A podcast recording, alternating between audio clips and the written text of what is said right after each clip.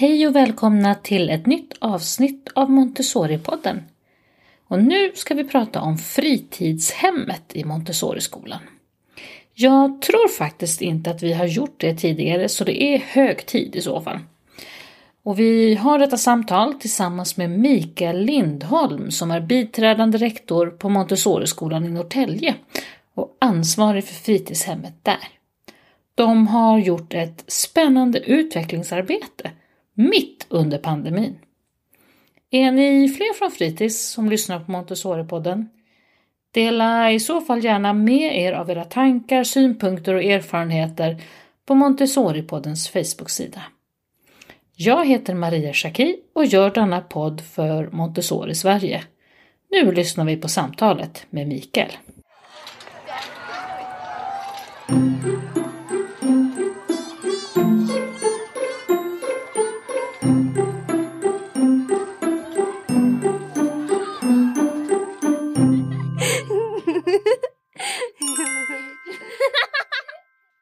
Välkommen till eh, Montessori-podden Mikael Lindholm.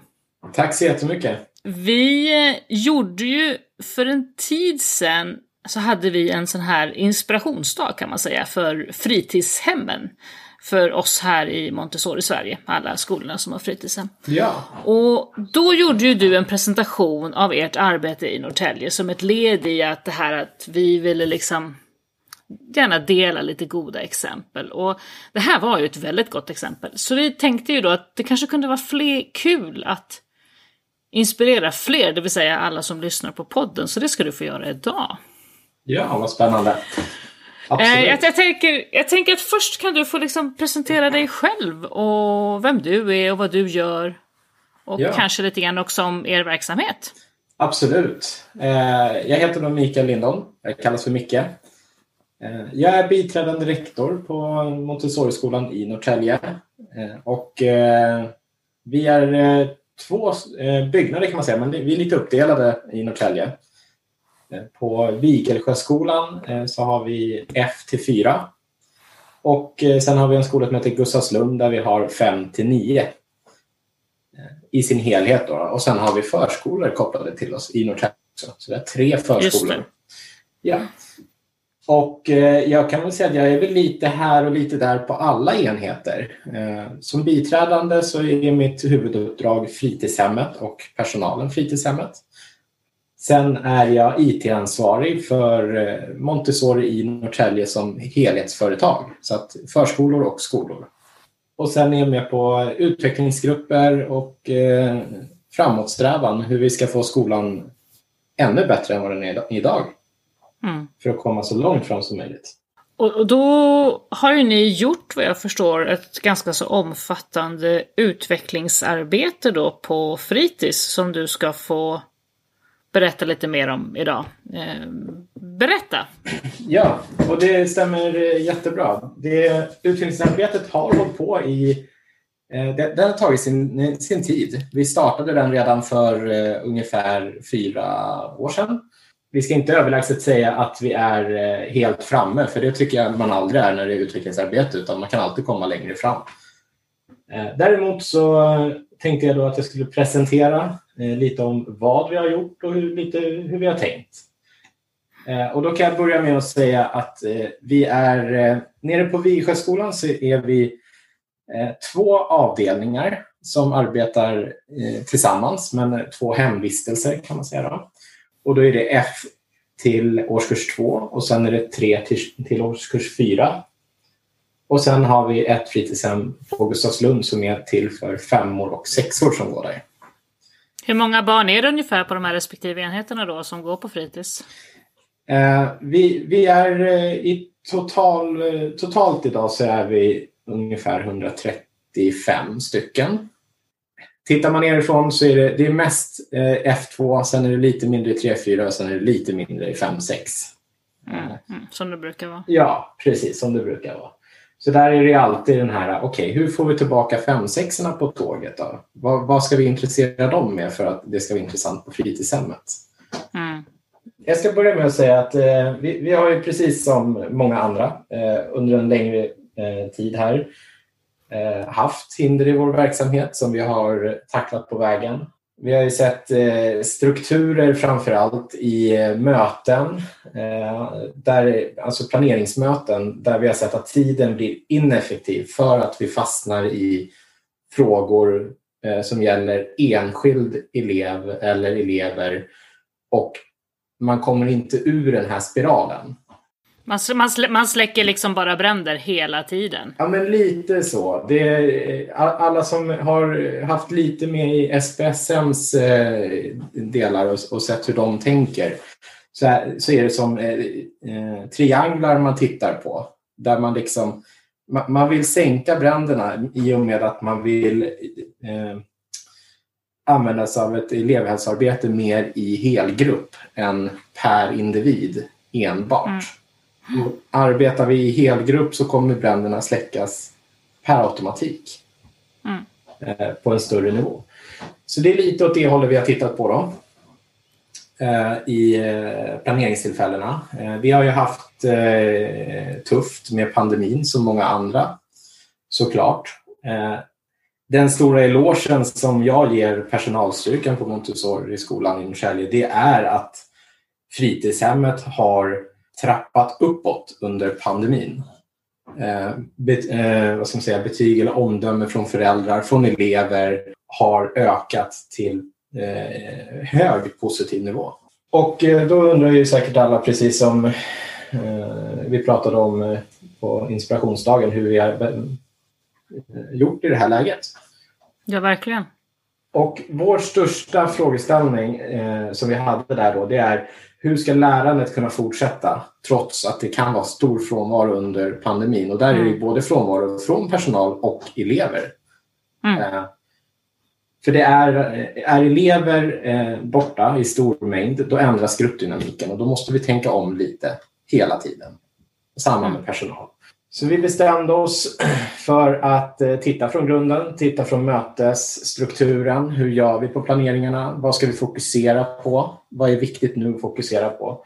Och där kom vi fram till att eh, det första vi, vi behöver titta på ordentligt det är att eh, det är lärandet som är i grunden. Vad är det eleverna ska få utveckling och lärande i? Sen kopplar vi på vad är det för aktivitet vi behöver för att det här lärandet ska kunna eh, tillämpas till eleverna. Eh, självklart så tittar vi utifrån eh, läroplanen. Och vi, vi tittar mycket på tydlighet mellan personal, kommunikation och tydlighet mellan personalen till eleverna och till vårdnadshavarna för att skapa en hög trygghet i gruppen. Mm.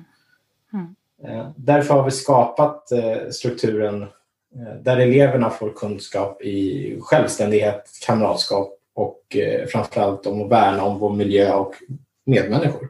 Eh, och som sagt, resultatet än så länge är att vi har ett Montessori-fritidshem där det finns en bra balans mellan rekreation och lärandeaktiviteter där de möts med varandra. Vad tänker du är, du säger Montessori fritidshem, vad tänker du är liksom, vad är det som skiljer eller ska skilja ett, ett vanligt fritidshem från ett fritidshem som är kopplat till en Montessori-skola. Hur, hur ska man se den skillnaden och hur ser man den skillnaden? Den stora skillnaden eh, skulle jag säga är att eh, när du träder in på ett Montessori-fritidshem, vi tar en inneverksamhet eh, exempelvis, mm. Mm. Eh, där jag eh, som första elev träder in då finns det ett eh, smörgåsbord av aktiviteter. Eh, till eh, lugnare aktiviteter, för vi är inomhus. Men det finns eh, aktiviteter uppdelade på olika rum eh, där det är eh, framserverat med skapande verkstad. Det är framserverat med eh, byggnationsdelar eh, med olika material eh, liknande. Sen eh, har jag också som elev fått en genomgång i hur, hur kan jag göra med det här med eh, konstruktionsmaterialet? Hur använder jag mig då alltså utav de olika färgerna och penslar och liknande? Så att penslarna håller över tid. Vi värnar alltså om vår miljö och vår, vårt material. Så här som vi faktiskt gör liksom i Montessori-verksamheten i övrigt. Vi ger den här initiala lektionerna. Ja. I samma grej helt enkelt. Ja, Ingen precis. skillnad. Vi, vi tror ju väldigt mycket på ett heldagslärande så därför ska vi inte göra en stor skillnad mellan fritids och skola i den benämningen på hur eleverna använder sig av material till exempel. Eller Mm. eh, den, den här eh, per automatiska rörelsen som blir i rummen. Eh, den handlar inte om att nu leker vi kull i rummet utan den handlar om att nu är jag färdig med den här stationen. Jag plockar undan efter mig, jag snyggar till så nästa person tycker att den här miljön är jätteinbjudande. Sen byter jag aktivitet Mm. till nästa aktivitet och nästa lärande. Jag tycker inte att, eh, eller vi tycker inte att eh, eleverna ska vara helt styrda. Att vi säger att den här aktiviteten ska du göra nu. Den här aktiviteten ska du göra nu. Utan vi utgår ifrån elevernas behov och vad eleverna själva känner att jag är sugen på att lära mig det här. Mm. Och då möjliggör vi det istället. Eh, Så precis som i skolan, vi utgår ifrån elevernas egna behov. Eh, Så det gäller, eh, tänker jag, som pedagog på fritidshem i Montessori att ha en liten fingerfärdighet för att kunna läsa av elever. Diskutera med eleverna. De kan ge de absolut bästa svaren. Mm. Eh, Vi behöver inte sitta och chansa på vad de känner för eller vad de vill göra. De svarar jättebra själva om vi ställer rätt frågor. Om vi går tillbaka då till, till eh, hur, hur ert utvecklingsarbete gick till där. Vad, ni, ni fokuserade där på mötesstrukturen och, och nu här inne i pandemin att försöka hitta en struktur som liksom höll genom ja, all frånvaro. Vad gjorde ni, vad gjorde ni sen? För att få en struktur som höll, eh, för eh, om man tittar som sagt på basen, alltid på basen när, när det börjar ruckas lite i verksamheten, då tittar vi på basen igen. Eh, Vi går tillbaka. Det vi skapade då, det är ett, ett arbetsschema till personal, där det, alltså en form av veckoplanering, där all personal är involverad på olika sätt, där vi har ansvarsområden per dag och tid så att alla vet exakt vilken tid, vem är eh, och vart man befinner sig. Eh, exempelvis, eh, vi vet att när fritids startar för eleverna då befinner sig Jesper i idrottssalen med en pedagogisk aktivitet som olika grupper beroende på olika dagar är välkomna ner till. Vi har presenterat dagarna för eleverna. Och vi vet att eh, på måndagar så har eh, Lotta hemkun eh, eller, ja, hemkunskap med F2 och vidare och vidare. Vi vet vilka, som, vilka personer som går på mellis, vilka tider. Och Det betyder ju att när vi har det schemat, skulle det vara så att Lotta är sjuk, då kan någon annan som har ett mer övergri eller, ja, övergripande ansvar på skolgården till exempel, eh, kunna ta den och vi gör en rokad i gruppen så att vi fyller på platser istället. Där vi, då, vi får in vikarier, ja, men då kanske vikarien kan vara den som är eh, på måndagar inomhus i ateljén. Och vi flyttar nästa person och nästa. Så att det alltid fylls upp. Så att inte lärandet slutar för att en person är borta. Alltså att det liksom är inte så att bara för att Lotta är borta som har planerat den här aktiviteten då så finns inte aktiviteten. Men hur, hur säkerställer ni då att den går att genomföra? För jag tänker, hon har ju då kanske gjort en planering. Ja. Eh, vad, hur, hur, vad händer där? Eh, vi, alla, alla som har eh, sina aktiviteter i den här veckoplaneringen använder sin planeringstid eh, bland annat då för att skapa den pedagogiska planeringen för eh, det här området. Vi arbetar utifrån ett årshjul, eh, vill jag tillägga, eh, Mm. där, där vi har delat upp eh, ur läroplanens eh, fyra överskrifter. Eh, där vi har lekar, fysiska aktiviteter, utvistelser, eh, skapande etiska uttrycksformer, språk och kommunikation och natur och samhälle. De här har vi delat upp under block. Så att de, de finns ju alltid med i fritidshemmen men vi fokuserar på en inriktning i blocken. Till exempel september till oktober, då fokuserar vi på lekar, fysisk aktivitet och ut, ut, utevistelser. Så ni har liksom gjort ett, ett årshjulstema som säger med olika teman och vad ni fokuserar på då? Ja, Mm. men precis. Så att när, när jag då har gjort min pedagogiska planering, då för jag in den i eh, rätt block där vi arbetar nu. Och skulle jag vara sjuk sen, då skulle du kunna komma dit till permen och bara ta fram min, läsa igenom den och kunna genomföra den. Och det här är en fysisk perm eller har ni något digitalt verktyg för detta? Vi har faktiskt både och än så länge, så vi håller på att arbeta oss in till helt digitalt. Men vi kör fysiskt också just för att eh, även eh, vikarier lätt ska kunna komma och titta och läsa. Det är sant. Mm, Ja. mm. Så, det, så det är alltså ganska lätt för någon som inte hade tänkt sig ha den här aktiviteten i rörelserummet just idag att gå in och läsa då vad var det tänkt skulle hända. Så man följer, man följer det spåret helt enkelt. Ja, precis. Ja, det ökar ju chansen för att en, någon som slängs in i en aktivitet lite oförberedd faktiskt kan genomföra den om någon har tänkt till innan. Ja, precis. Eh, och där står även då liksom, om man har förberett med viss material eller liknande. Vart befinner sig materialet och liknande som man ska använda. Så man Mm, inte behöver springa runt och leta. Så alla skriver sina planeringar utifrån att någon annan ska kunna göra det här och förstå vad jag har tänkt. Ja, precis. Så, så har vi gjort med eh, ja, för att eh, kunna säkerställa att lärandet fortsätter helt enkelt. Eh, har vi tänkt på det sättet. Vi använder oss som sagt väldigt, eh, en, stor, en stor del av eh, planeringstiden i start av varje block går till det här. Genomgång av vad, vilket block går vi in i? Vad handlar det här blocket om? Och sen kör vi. Vi tror även på repetition. Man behöver inte byta aktivitet konstant hela tiden utan håll kvar ett litet tag. Det gör ingenting. Så när ni har era liksom, gemensamma planeringsmöten och sådär på fritids, då ägnar ni inte dem så mycket åt, vad jag förstår, att diskutera enskilda elever, utan då är det det här ni fokuserar på. Vad är det vi gör den här månaden? Ja, precis. Eh, enskilda elever, självklart pratar vi om eh, elever som vi behöver ta upp och liknande, där vi behöver diskutera. Men det, vi, vi håller alltid på en eh, need to know, kallar vi det för. Eh, när vi sitter gemensamt allihopa, eh, från alla olika eh, avdelningar, då är det inte säkert att alla behöver höra om information om en elev som inte är kopplad till de andra, utan är det kopplat till alla, då tar vi det med alla eh, om det är informativt.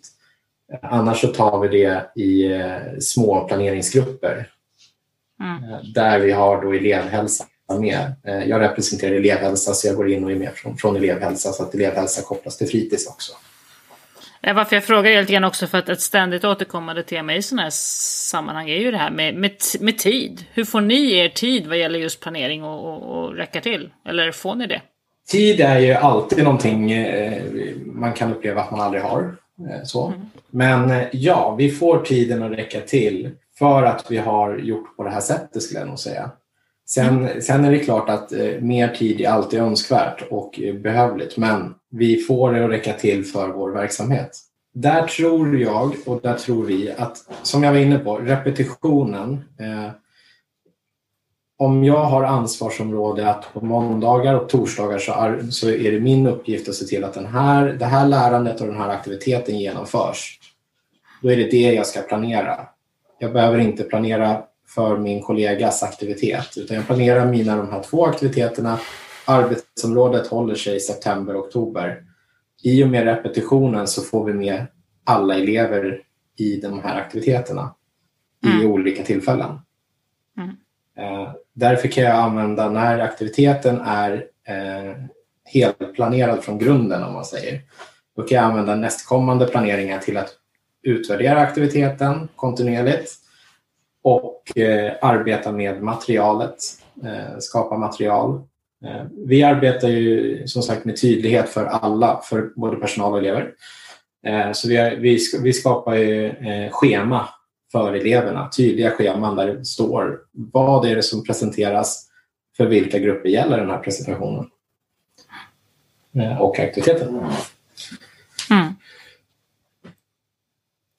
Hur ser er inomhusmiljö ut då? Hur, vilka olika typer av rum och miljöer har ni byggt upp där? Och du sa det här smörgåsbordet av liksom miljöer och rum och aktiviteter. Vad, är det, vad har du för exempel hur det ser ut? Exempelvis eh, så har vi eh, F2s eh, fritidshemsvistelse.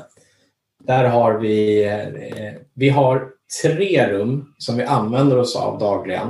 Eh, vi har tillgång till fler, men vi har valt att vi, vi fokuserar på tre rum.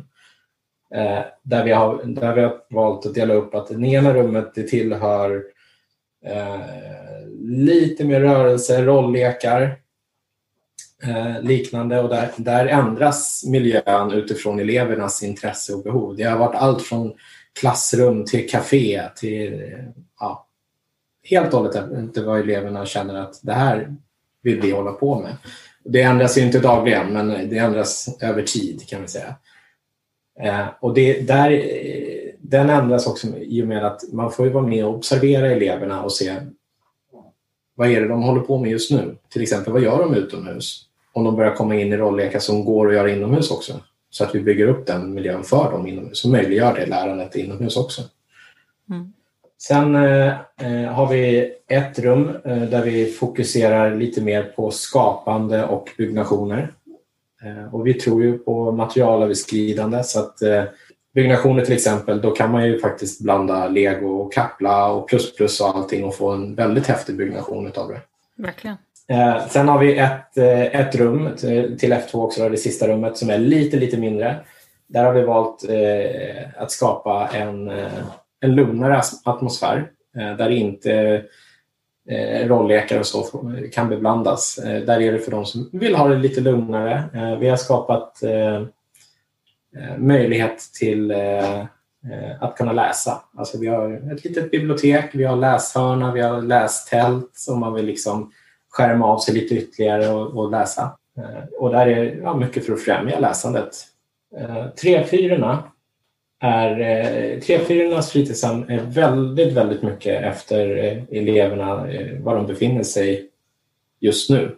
Eh, där har vi till exempel ett rum eh, där vi arbetar väldigt mycket med skapande eh, och mycket samtal, intressanta samtal i soffan om olika delar av, det kan vara vad som helst, allemansrätten, världen, kompisrelationer, det kan vara allt möjligt som kommer upp där. Vi arbetar ju såklart eh, digitalt också. 3-4 de, de, har ett rum som eh, brukar fokuseras mer på, mot det digitala. Vad kan ni göra där då till exempel? Eh, vi, vi, har tillgång till iPads och använder vi iPads så har, är, är det i en pedagogstyrd aktivitet. Vi diskuterar mycket när man sitter med iPads. Eh, vi, vi, kan arbeta, just nu vet jag att de arbetar med ett Minecraft-projekt eh, där eh, man får välja en, en av världens sju under till exempel. De bygger upp det i Minecraft och sen så skriver mm. man en text till det här och förklarar varför är det här så speciellt det jag har byggt? Vad är det här för något? Mm. Mm. Där vi då tänker att vi får både in, vi får in väldigt, väldigt många delar i det här och en bra samverkan med skoldelen.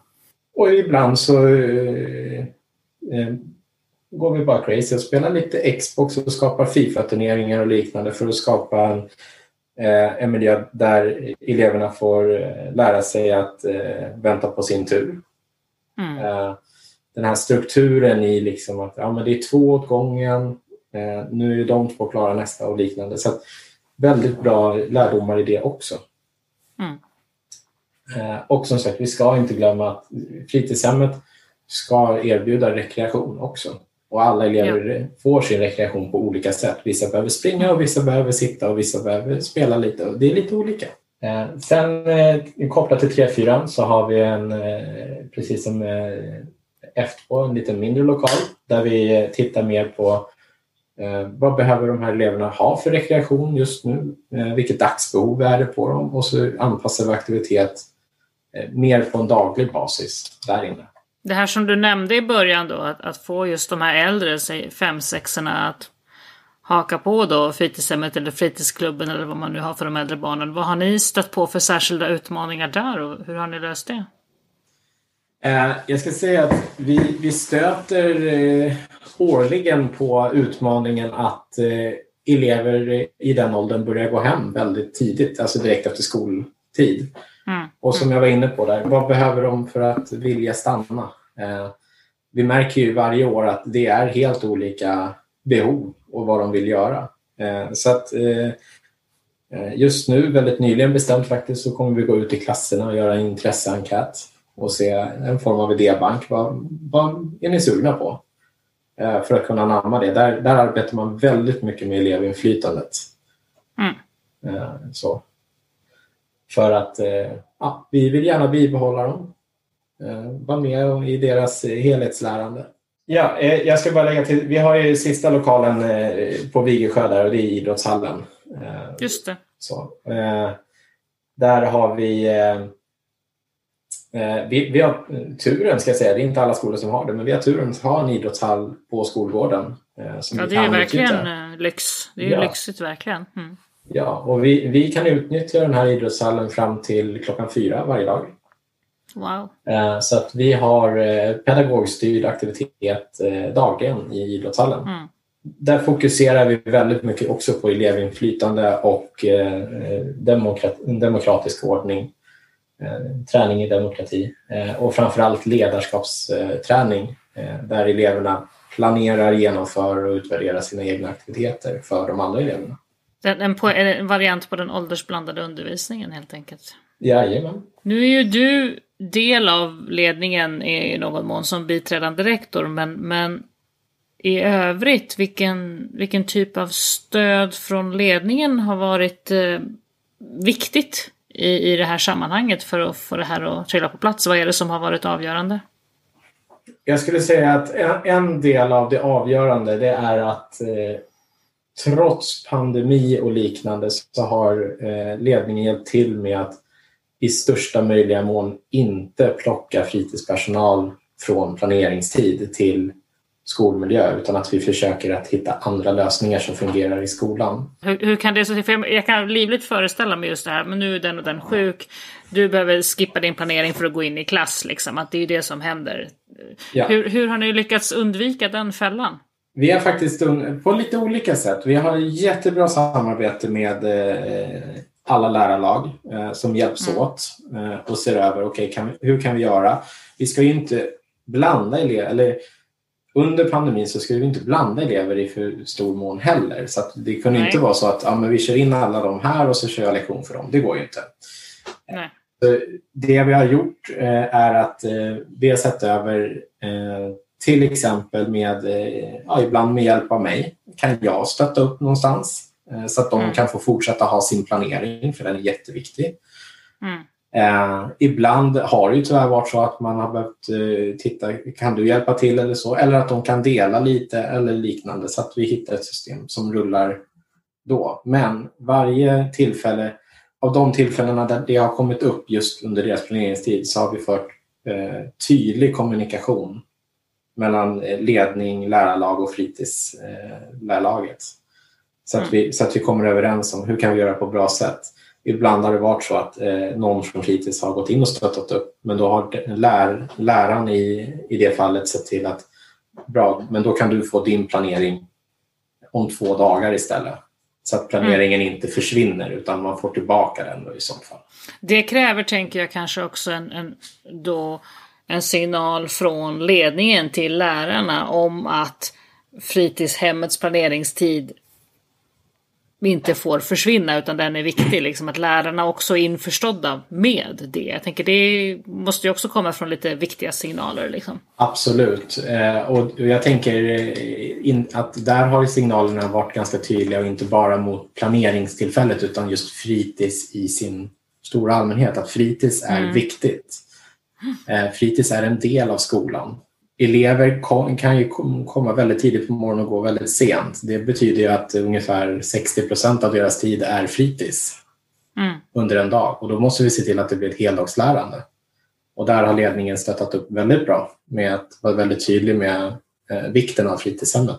Det, det är nog säkert eh, avgörande så, liksom, för det, det dyker ju upp just också för att lärarna ska kunna vara med i den eh, processen att kunna liksom ta ansvar för att faktiskt då också ge, ge tillbaka planeringstider när det behövs. Ja, absolut. Eh, sen har vi också turen att arbetslagsläraren till eh, nu eh, har tidigare varit arbetsdagsledare på fritids. Så att där ser vi också att det, det skadar inte att man har sett varandras eh, verksamheter om man säger så. Då förstår man också vikten av varandras verksamheter. Eh, vilka lärdomar liksom i övrigt har ni dragit längs med vägen? Som ni liksom så här i efterhand kan konstatera, aha, så där skulle vi kanske inte riktigt ha gjort, vi skulle gjort så här istället. Jag skulle säga att en av de främsta lärdomarna det är eh, kontinuiteten. Skapa en struktur eh, som fungerar. Eh, det är inte självklart, men när man börjar hitta där, det som fungerar, våga hålla fast i det. Mm. Eh, gör inte megastora förändringar varje termin. Ibland är det bra att hålla kvar. Eh, vi ska ju ligga i framkant, ja absolut. Men det betyder inte att vi behöver göra om hela strukturen. För kontinuiteten för eleverna skapar den här tryggheten, vilket skapar arbetsmiljö och arbetsro. Det här klassiska håll i, håll ut. Jajamän, som vi har tränat jättemycket på under pandemin här nu. Vad är er största liksom, framgång då i det här? Det som du liksom känner att ni är extra stolta över? Ja, jag skulle säga som, eh, eh, som ledning och lite utanför den dagliga aktiviteten om man säger så. Eh, så mm. det som jag känner mig extra stolt över det är att när jag kommer ner till eh, skolslutet och eh, där fritids eh, tar vid Inom fem minuter så pågår lärande på olika delar av skolgården och olika delar inomhus. Och det är en eh, jätte, jättefin sak att se när man kommer ner. Att det, att det pågår verkligen direkt från fritidsstart till fritids, eh, kvällsfritids slutar. Eh, och det, det, är tack vare eh, den väldigt tydliga strukturen och kommunikationen som är mellan fritidspersonalen. Vad är det som ni känner då är liksom nästa steg? Vi pratade om innan att det är utvecklingsarbete och utveckling betyder att man fortsätter utvecklas. Vad är, vad är era nästa steg i det här? Ett steg som vi, vi håller på att utveckla än mer nu det är eh, fortbildning för personal inom eh, SPSM och eh, NPF. Då, vilket man alltid kan behöva titta om på nytt och se förändringar. Näst, eh, nästa steg det, det är egentligen nu hålla i, hålla ut och eh, eh, se till att liksom alla eh, pedagogiska planeringar är, alltså så att man får till hur per korrekt jag mina utvärderingar framför allt. Utvärderingarna kan vara en av de stora delarna i fritidshemmet som kan vara jättesvårt att få till. Mm. Eh, en korrekt utvärdering ska gärna vara mätbart. Eh, då måste jag tänka till nästa gång jag gör det. Okay, hur, på vilket sätt ska jag göra den här aktiviteten för att kunna göra den mätbar för att kunna få till min utvärdering? Så det, det är lite mer av det här eh, finliret kan man säga mm. som vi är inne på nu. Eh, och liksom peta till lite så att allting blir super, superbra. Men sen kommer vi, det här är ganska nytt nu med strukturen och allting så nu tänker vi att nu ska vi hålla i mm. och hålla ut och se vad som händer med den. Du pratade om det här årshjulet då, att nu september, oktober. Vad var temat nu? Uh, nu är tema uh, lekar, fysiska aktiviteter och utom, utevistelse. Då. Vad händer sen under årshjulet då? Vilka andra teman dyker upp allt eftersom året rullar? Därefter eh, så i november och december då, så kommer vi in i skapande och estetiska uttrycksformer. januari till mars har vi språk och kommunikation och sen april till maj så har vi natur och samhälle. Eh, mm. Vi har valt att lägga de här ganska eh, taktiskt eh, faktiskt. För i, i början av september, slutet av augusti, början av september, där, då kommer vi in i en ny gruppdynamik för vi får nya elever till skolan, andra elever byter till ny avdelning och liknande. och i den så ingår väldigt mycket av gruppdynamiska övningar och samarbetsövningar och liknande för, för att gruppen ska finna sig tillsammans. Eh, och till exempel i april-maj där vi har valt natur och samhälle, det är för att då börjar det bli väldigt bra väder och då börjar det bli bra att dra nytta av närsamhälle och orientering och liknande. Och kontinuerligt med de här områdena så finns det alltid centrum av eh, vårt eh, årshus ligger i utvärderingen där. Hur kan den här utvärderingen gör då varje enskild medarbetare den på sin planeringstid och stoppar in i den här pärmen eller gör ni det tillsammans då när ni har gruppmöte eller hur, hur gör ni? Det är lite olika faktiskt. Eh, vissa har helt enskilda lärandeaktiviteter eh, där de utvärderar eh, sin aktivitet och då gör man ju dubbelutvärdering kan man säga. Så man utvärderar ju med eleverna, man utvärderar själv själva strukturen för det hela. Eh, så, vi, så vi ser om får vi till lärande och får vi till strukturen. Mm. Eh, sen, eh, de, sen är det vissa som har till exempel naturaktiviteter och då brukar de vara två pedagoger, två till tre pedagoger. Så, ja, då utvärderar de tillsammans. Sen kontra med det här så är det ju utifrån arbetsplaner och liknande och det gör vi tillsammans. Jo, jag ska lägga till att ett av de viktigaste rummen som man absolut inte får glömma det är utomhusrummet. Eh, eller då skolgården. Och eh, just det här våga tänk, tänk om och tänk nytt. Mycket av aktiviteterna man gör inomhus med skapande och liknande går att göra utomhus. Nästan åt mm. dem. Mm. Faktiskt de flesta. Om man ser till att det styrs upp på ett bra sätt. Så det var väl egentligen det som jag ville förmedla. Det har varit jättespännande att eh, lyssna på, både när vi hade vår inspirationsdag men även prata lite mer om det den här gången. Ni har verkligen gjort ett fantastiskt utvecklingsarbete som ju nu då fortsätter med att hålla i och hålla ut. Det, och vad jag förstår som sagt även på er rektor Åsa så har ni, förtjänar ni all cred för att ni faktiskt har eh, inte bara liksom hållit igång fritidshemmet under pandemin utan faktiskt också utvecklat det. Det är nog lite udda får man säga. Ja, det tror jag nog. ja, jag hoppas att det kan inspirera någon till någon idé. Tack så jättemycket. Tack, tack.